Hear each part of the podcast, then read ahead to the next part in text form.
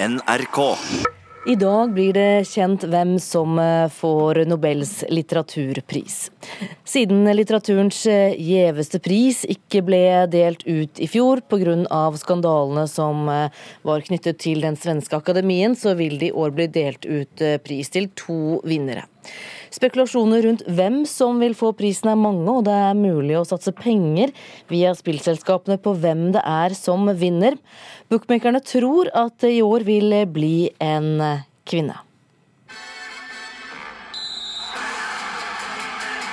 Du har garantert hørt spillreklamer som denne før, særlig knyttet til fotballtipping. Men spillselskapene inviterer også til å satse penger på hvem som vinner nobelprisen i litteratur i dag. PR-manager i Unibet, Steffen Løvholen, presenterer favorittene. I Litteraturprisen så er det Anne Carson som er favoritt, foran Margaret Atwood og Marise Condé. Og det er da alle i topp fem kan du se i år er kvinner. Det er første gangen det har skjedd. I fjor ble ikke nobelprisen i litteratur delt ut, grunnet skandalene rundt svenska akademien. Derfor vil det bli to vinnere i dag. Det har påvirket hvordan selskapet Betson har lagt opp spillet i år, sier talsmann Kim Ruud Pettersen. Vi har eh, siden det i fjor ikke ble delt ut noen Nobelspris i litteratur, valgt å inkludere både 2018 og 2019 på våre oddslister. Så de som går inn og spiller hos Betson, de får premie om eh, vinneren enten vinner for i fjor eller for i år. Vi må helt tilbake til 1928 for å finne siste norske vinner av litteraturprisen, nemlig Sigrid Undset. Kan Norge nå vinne igjen? Unibets Løvholen peker på Jon Fosse som en mulig kandidat. Ja, altså Fosse har jo vært, favoritt, vært blant favorittene i, i, i hvert fall de siste fem årene. Så det er klart, det er alltid en mulighet for det. Men akkurat i år, eh, når vi har fem kvinner på topp, eh, og det ser Det har vært veldig mye fokus på kvinnelig forfatterskap og på kvinnelige sånn empowerment movementen og sånne ting, så, så, har vi nok mest troen på at, at det blir en kvinne i år. Jeg tror ikke Fossen når opp i år. Men har bookmakerne ofte rett når det gjelder hvem som vinner? Bettingekspertene i Unibet og Betson er uenige. Det er veldig ofte at bookmakerne har god kontroll på hva som foregår når man velger å sette en odds. Nei. Altså, ikke på den som er vinneren. Den er, den er veldig sjelden at vinneren er nummer én på oddslistene. Det blir blitsregn av de sjeldne når de hvite gullforgylte dørene går opp klokken 13 i dag og vinneren annonseres. God middag og velkomna til Svenske Akademien. Og Unibets Løvholen kjenner i år på en personlig spenning rundt hvem som vinner. Ja, altså, jeg oppdaga Margaret Atwood uh, sitt forfatterskap gjennom HBO i år. Så jeg uh, har blitt mer interessert jo høyere hun har klatra på listene. Så ja, jeg, er, jeg, gleder meg veldig til å se hvem det er som vinner i år. Uansett hvem som vinner, kan man forvente jubel i rikelig monn. Det blir heder og ni millioner svenske kroner til to av verdens fremste forfattere.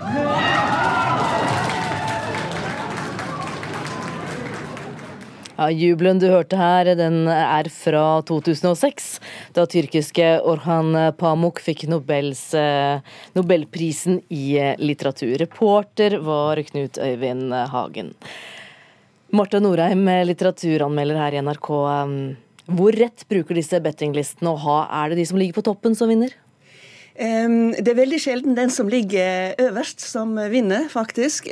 Men det, regelen er at det er en av de som ligger øverst på lista. Men her finnes det jo alltid unntak. F.eks. Doris Lessing hun var jo 88 år når hun fikk den. Uh, too late, sa hun, og det trodde jo også de som drev med tipping på vinnere, at de tenkte det var for seint for henne. Hun er den eldste.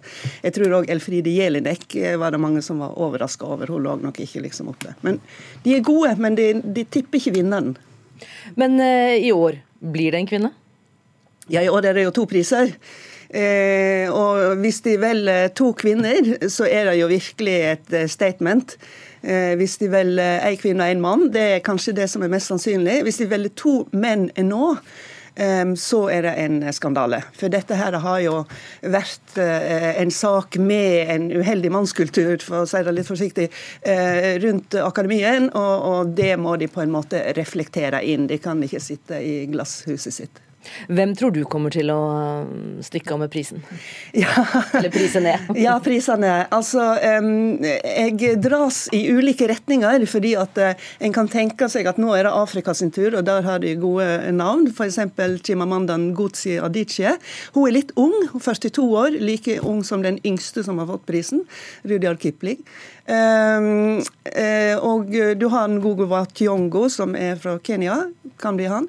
Men jeg holder en knapp egentlig på kanadiske Margaret Atwood. Da er du iallfall ute av uh, Europa. Uh, hun har jo markert seg kraftig de senere åra, så jeg tror hun kan være en av de. Og så har jeg jo en, en liten sånn hunch på Jon Fosse.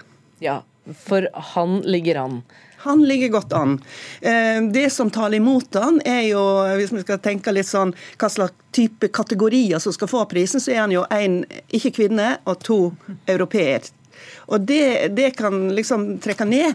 Eh, men på den andre sida, eh, Norge har ikke fått priser siden 1928. Eh, så det er ikke noe sånn det er liksom aus-priser ved naboene sine heller. Så en veit aldri. Men hvorfor er det galt å være europeer? Eh, det er ikke galt å være europeer i og for seg, men eh, europeerne har jo fått kolossalt mange flere priser enn de fortjener. Eh, det er, det er massevis av priser som, som, har gått, og ikke minst det franske. altså Det er flere franskmenn som har fått prisen enn en Asia, Afrika, Australia til sammen. ikke sant? Så, så en er seg sjøl nærmest, og de er jo veldig nær Frankrike. altså Hele Svenske Akademien, som dette blir nominert ut ifra, eller valgt ut av, er er jo eh, inspirert av, eh, av Akademi Frances, altså det tette band. Agnes Moxnes, eh, kulturkommentator her i NRK, vi har jo så vidt nevnt Kan ikke du ta bakgrunnen for at det er to priser som blir delt ut i år? Ja, de fleste begynner vel å ha fått det med seg, men det er altså for to år siden så var alt helt normalt, i oktober 2017. Eh, så kom november 2017, og så ble altså da Nobels litteraturpris, eller Nobelprisen i litteratur, eh, gjort om til et tema i en såpeopera. Eh, da var det 18 kvinner som gikk ut i Dagens Nyheter i Sverige og anklaget Jean-Claude Arnault som var gift med et av Svenske Akademiets eh, medlemmer, og som også var en beundret venn av flere av medlemmene. Han ble anklaget for seksuell trakassering og voldtekt. Han er jo nå dømt til to år og seks måneders eh, fengsel. Og så har det jo også vist seg i ettertid at han nokså notorisk lekket navnet på hvem som kom til å vinne, pluss at han i tillegg hadde fått penger fra akademiet for å drive sin egen kulturklubb. Og akademiet har på veldig mange måter absolutt ikke vært i stand til å takle den situasjonen de, var, eh, de kom i.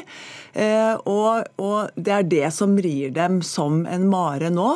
Og derfor så er det viktig at den avgjørelsen som kommer i dag, er med på å rette opp eh, akademiets elendige renommé. Tenker du det samme som uh, Marta Norheim? At det bør være minst én kvinne, men at man har et statement med to? Ja, altså nå har En av medlemmene i Akademiet, Anders Olsson, eh, han har sagt at vi skal tenke så lite taktisk som mulig. Men forfatterne har, de forfatterne som velges i dag, de vet selv at de har fått den rollen. At de skal være med på å, å gjøre akademiet stuerent igjen. Eller det, den avgjørelsen eller litteraturprisen stueren igjen. Og alle de som vedder, altså putter penger på hvem som skal vinne denne prisen, de har jo også skjønt dette her, i og med at de fem øverste på bettinglisten nå faktisk er kvinner. Men etter alt det bråket som har vært, da, er det like stas å få prisen, eh, eller prisene i år? Nei, Av den grunn så er det jo ikke helt det. Eh, og Det er jo derfor noen også har gått ut og sagt at forfattere bør si nei til prisen. Men jeg syns kanskje det er litt dårlig gjort å gi forfatterne ansvaret for å rydde opp i dette her. Det må svenske akademien selv gjøre, og ikke minst Nobelstiftelsen, som jo sitter og, og styrer i, i bakgrunnen bakgrunnen her. Men når det kommer da til eh, de to da som får nobelprisen i litteratur, eh, som blir delt ut da klokka ett eh, i dag, er det noe mønster i hvem som vinner? Altså, Tenker de da på verdensdeler, språk, kjønn? Marta Norheim var inne på det. Ja, Marta har jo, har jo, nevnt det. Og vi journalister vi elsker jo å tenke sånn. Altså, Nå er det en kvinne, nå er det mann, nå er det Afrika, nå er det Asia. Men altså, ettersom av de 100 som har fått eh, eh, Nobelprisen i litteratur, så er det 14 kvinner. Det er en voldsom skjevfordeling mellom den vestlige verden og resten av verden.